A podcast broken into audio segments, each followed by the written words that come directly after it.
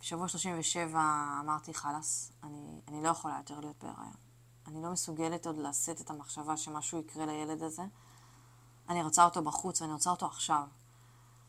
אמ, אני לא רוצה להגיד למזלי, כי זה לא בדיוק למזלי. גם הוא היה קטן, אז גם ככה הייתי ילוד. כלומר, אני לא הייתי מגיעה לשבוע 40 גם פה.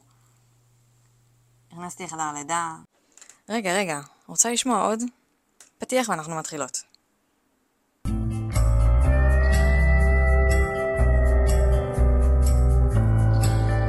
שלום לכולן, שמי ליטל בדני וזה הפודקאסט החדש שלי, הפרק הראשון, קולולולולו, משני פסים ועד להנקה של אחרי. אה, אני רוצה להגיד שאני ממש ממש מתרגשת. אה, על מה בעצם נדבר? על מה הפודקאסט יהיה? הפודקאסט הזה אני אדבר איתכן על הריון בסיכון, על אה, לידה, הנקה ועל היום של אחרי. מה בעצם עושים ביום של אחרי וכמה לא מדברים על זה מספיק. ואיפה הזוגיות שלנו בתוך כל הכאוס הזה שאתם חווים. כי הריון זה סוג של טלטלה, לידה זה סוג של טלטלה, ו... והזוגיות עומדת בסוג של מבחן. בואו נתחיל בפרק הראשון, והוא איך הגעתי ללוות נשים בהריון בסיכון ולמה. הפודקאסט משני פסים ועד להנקה של אחרי. אני אתחיל uh, בהצגה, אני קודם כל אציג את עצמי. שמי ליטל בדני, אני מיילדת עם תואר שני ויועצת הנקה. אני נשואה ויש לי שלושה ילדים וכלב, ושלושת ההריונות שלי נחשבו הריון בסיכון. בואו נספר לכם עליהם. ההריון הראשון, uh, הוא היה הריון רגיל לחלוטין עד שבוע 34. שבוע 34 הגעתי למעקב uh, גדילת עובר ואולטרסאונד, בדיקת מי שפיר, כמות של בדיקת מי שפיר. הגעתי לבדיקת uh, רופא רנדומלית, רופאה רנדומלית במרכז בריאות האישה, כי הרופא שלי האישי, הרופא נשים האישי שלי, לא היה זמין לי בלשון המעטה. הוא היה יותר כמו רופא לצורך הוצאת הפניות לבדיקות, לצורך אולטרסאונד תקופתי, ותו לא. המעקב הריון לא היה רציף אצלו, כי התורים אצלו היו ארוכים מאוד.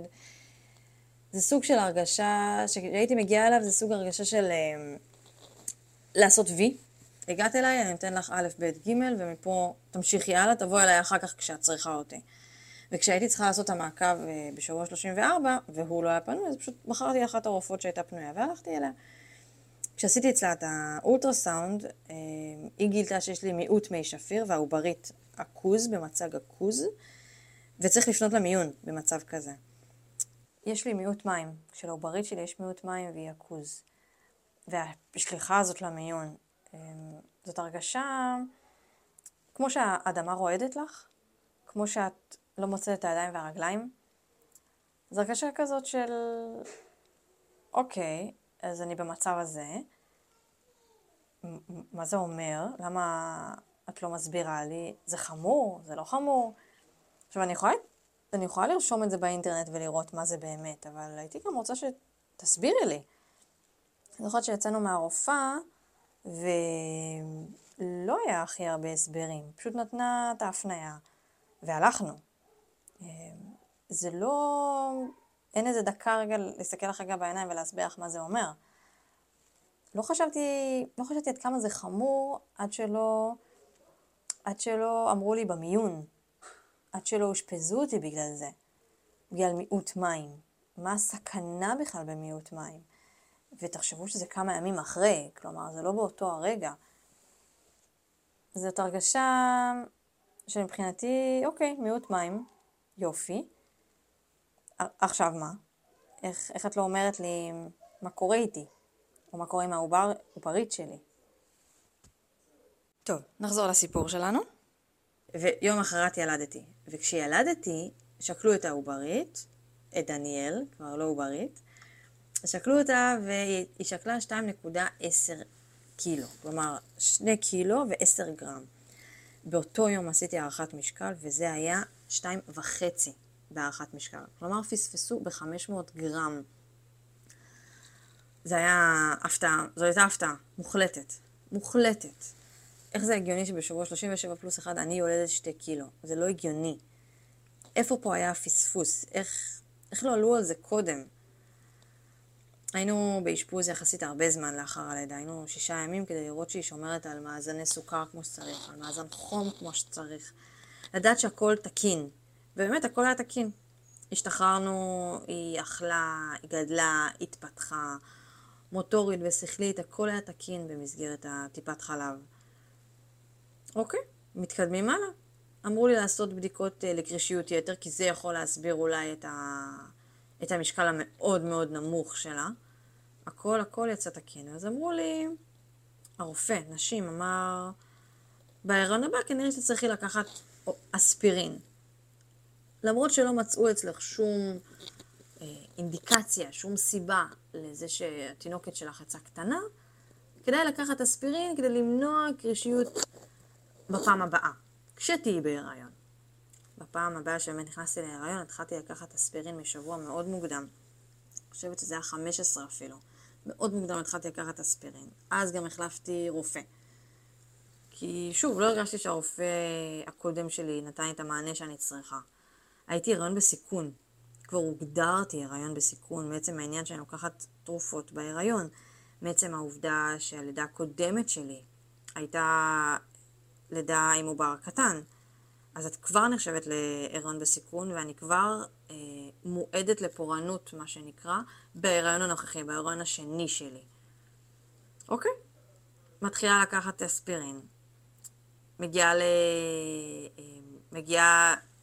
כל, ש... כל שבועיים הייתי במעקבים של אשפוז יום הריון בסיכון, שזה אה, בדיקות של כל שבועיים, מוניטור, אולטרסאונד ובדיקת רופא. אה, מעקב מאוד מאוד מאוד קפדני.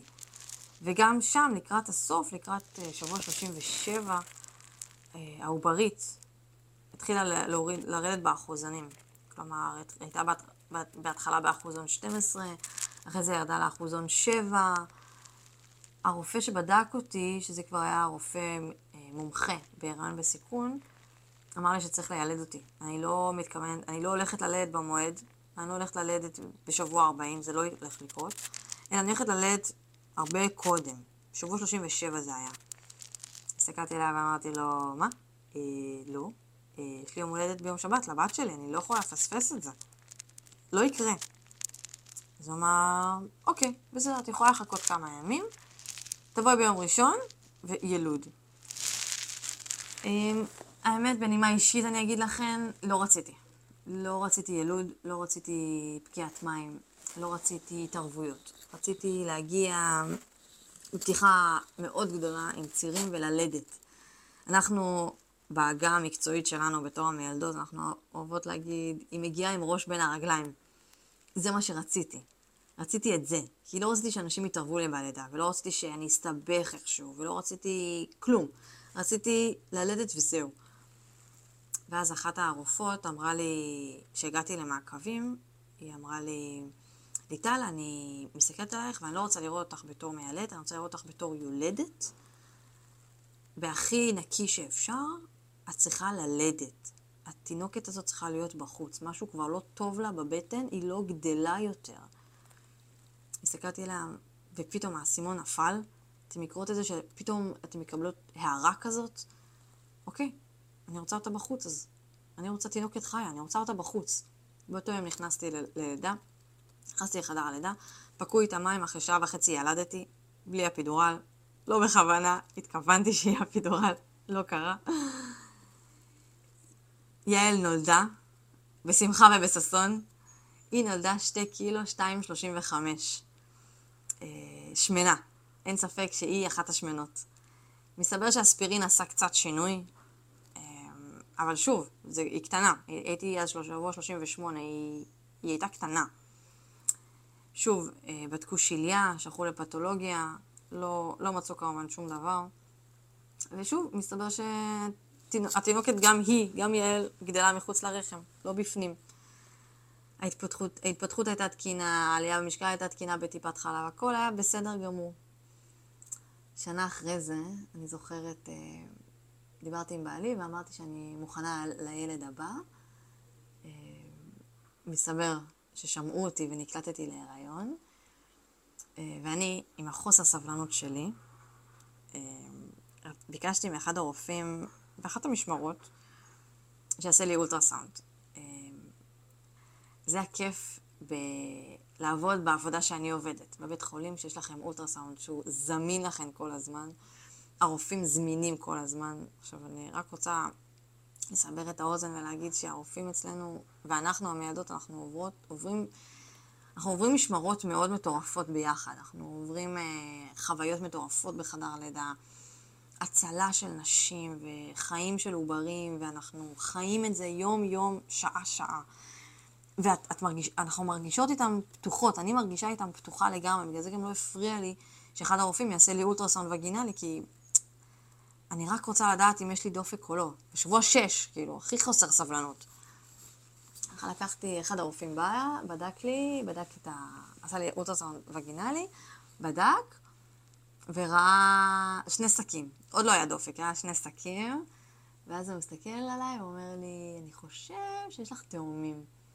הסתכלתי עליו, לבנה, בהלם, אמרתי לו, לא, לא נראה לי.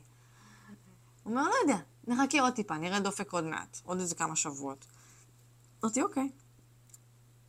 כמו שאני, לבנה ככה. התקשרתי לבעלי, אמרתי לו, תקשיב, נראה, הוא חושב שהוא רואה תאומים. בעלי אומר, לא, לא יכול להיות. אחרי שבועיים עשיתי עוד פעם, וכן, זה היה תאומים. הפתעה מוחלטת, מוחלטת. אה, איך אנחנו נסתדר? איך אנחנו נעמוד בזה? דניאל הייתה בת ארבע, יעל הייתה בת שנה, ועכשיו תאומים, כאילו מה... מה הלו"ז? מה נסגר? התחלתי, הלכתי לרופאת נשים שלי, ש... רופאת נשים השלישית שלי, שהחלפתי, וסוף סוף גם הרגשתי רופאת נשים שהיא, דבר ראשון, היא, מת... היא מומחית בהיריון בסיכון, ששוב אני הריון בסיכון, תאומים זה אוטומטית הריון בסיכון. אני גם הריון בסיכון לאור ההיסטוריה המילדותית שלי. הרגשתי שיש איתי מישהי, שאני יכולה לפנות אליה ויודעת מה לעשות איתי במצבי. היא אומרת לי, יש מחקר שאת צריכה, לי, שכדאי לך להשתתף בו, עושים שם את כל הבדיקות ההיריון, כל ה-NIPT, אה, סקירת מערכות, מי שפ... אה, לא מי שפיר, אה, שקיפות עורפית, חלבון עוברי, עושים שם הכל, הכל במקום אחד, לא צריכה לרוץ בין כל הקופות חולים ולעשות את זה. עשיתי את זה, נכנסתי למחקר, התחלתי איתם, ביצעתי שקיפות עורפית, וכמה ימים לאחר השקיפות העורפית, אחד העוברים, אחת, אחת מ... הפסיק לה הדופק. היה לה מום לבבי והפסיק לה הדופק. היה... היה קשה. היה באמת קשה. אמ, זאת לא הייתה הפתעה. בשקיפות העורפית ראו שיש מום אה, לבבי מאוד חמור. אז העובדה שהפסיק לה הדופק לא, לא הייתה הפתעה. אבל uh, במוח את מרגישה את זה, בלב את נשברת? כזה דבר. כל ההיריון היה מלווה בחרדות אינסופיות. דמייני שאת עובדת במקום באמת הכי שמח בעולם. אין, אין מקום יותר טוב מחדר הלידה. אבל את עצמך בהיריון ואת חרדה לכל פיפס שקורה לך. את באמת מפחדת, מפחדת מאולטרסאונד שפתאום יהיה לך, את מפחדת מחוסר תנועות עובר, שאת פתאום לא יודעת אם הרגשת או לא הרגשת, את, את חרדה. בשבוע 37 אמרתי, חלאס, אני, אני לא יכולה יותר להיות בהיריון. אני לא מסוגלת עוד לשאת את המחשבה שמשהו יקרה לילד הזה. אני רוצה אותו בחוץ ואני רוצה אותו עכשיו. אמ, אני לא רוצה להגיד למזלי, כי זה לא בדיוק למזלי. גם הוא היה קטן. אז גם ככה הייתי ילוד, כלומר, אני לא הייתי מגיעה לשבוע 40 גם פה. נכנסתי לחדר הלידה, פקו את המים, פיטוצין, שזה חומר לזירוז הלידה, ילדתי אותו. הרגשתי את הלחץ בטוסיק וילדתי אותו. והוא היה עליי, והוא בכה. ובאותו הרגע הרגשתי שלמה. כי כבר לא הייתי חרדה, כבר לא היה אכפת לי מכלום. זאת הרגשה עילאית. כי את... את סיימת. הכל בסדר, הוא בידיים שלך, ואת מרגישה אותו ואת שומעת אותו, וזהו. לאחר מכן אה, חזרתי הביתה. ו...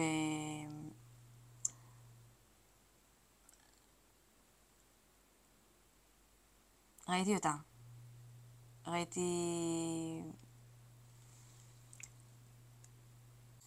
כשהוציאו את השיליה, אה, היא הייתה שם. בדרך כלל עוברים שהם תאומים, הם, הם נספגים אה, ברחם, זה נקרא, זה נקרא לי ספק. אבל הם לא באמת נעלמים, כלומר, הם עדיין נמצאים בשיליה של התאום השני. אז ראיתי אותה. והיה לי חשוב להיפרד ממנה. כי היה לי כבר שם בשבילה, וכבר דמיינתי אותה. אה, למרות שהיא לא הייתה הרבה זמן, עד שבוע 11-12 זה כלום, אבל, אבל היא כבר הייתה איתי. וראיתי אותה באולטרסאונד בשקיפות העורפית, אז מבחינתי היא קיימת. חזרנו הביתה, והיה לי קשה. כמה חודשים לאחר הלידה הזאת הייתה לי, היה לי קשה. היה לי קשה... תחושת פספוס כזאת, של... היו, היו צריכים להיות לי ארבעה ילדים, ויש לי שלושה. אבל כולם בריאים, ליטל, הכל בסדר. את יצאת בידיים מלאות, אל תשכחי את זה. נכון, אבל איבדתי אחת מהן. לקח לי הרבה זמן להבין שמהמקום הזה אני רוצה לתת בחזרה, אני רוצה לעשות איזשהו שינוי למישהי אחרת, ליולדת אחרת ש... שאני אוכל לעשות לה טוב, מה אני יכולה לתת, איך אני יכולה לעזור לאחרות אחרי מה שאני עברתי. וככה הגעתי למסקנה שזה מה שאני רוצה לעשות. אני רוצה ללוות נשים בהיריון בסיכון. להגיד לכן שאתן לא לבד, שמה שאתן חוות, מרגישות, עוברות, אני עברתי. אני יודעת, אני מרגישה את הרגשות האלה, אני הרגשתי אותן, אני הייתי במקום הזה, במקום חשוך, לבד, ללא קשר כמה בן זוג תומך. אין, אין קשר, זאת הרגשה שאת עצמך עם הבטן הזאת, עם ההורמונים משתוללים, סוג של... של בא לי שעוד מישהי תרגיש כמוני, כדי שאני אוכל לחלוק איתה את זה. אני רוצה לפגוש אתכן בקהילה, לא רק בחדר לידה, שזה שנייה לפני הלידה. אני רוצה להכיר אתכן, אני רוצה ללוות אתכן. ככה הגעתי לזה, ככה הגעתי לליווי נשים בהיריון. זה הסיפור שלי, זה הרקע שלי, מפה באתי. אני מקווה שלמדתם להכיר אותי קצת יותר. למדתם להכיר מאיפה, מאיפה כל זה נוצר בעצם. אני חושבת שהפרק הזה הוא פרק חשוב כי הוא ספתח. הוא ספתח למה שאנחנו הולכות לעבור ביחד בפודקאסט. הוא ספתח ל... תכירו אותי קודם, תדעו מאיפה אני מגיעה, ומפה אנחנו מתקדמות. תדעו שיש אור בקצה המנהרה. כי כולם בריאים, ואת יוצאת... הידיים המלאות הם... זה לא סתם משפט. לידה קלה זה לא סתם. אני מקווה שנהנתם. אני מאוד נהניתי. היה לי, היה לי כיף. באמת, היה לי כיף. זה כיף לשתף. בואו נתחיל במסע ביחד. נתראה בפרק הבא. וזה היה הפודקאסט, הפרק הראשון, משני פסים ועד להנקה שלכם. נתראה בפרק הבא.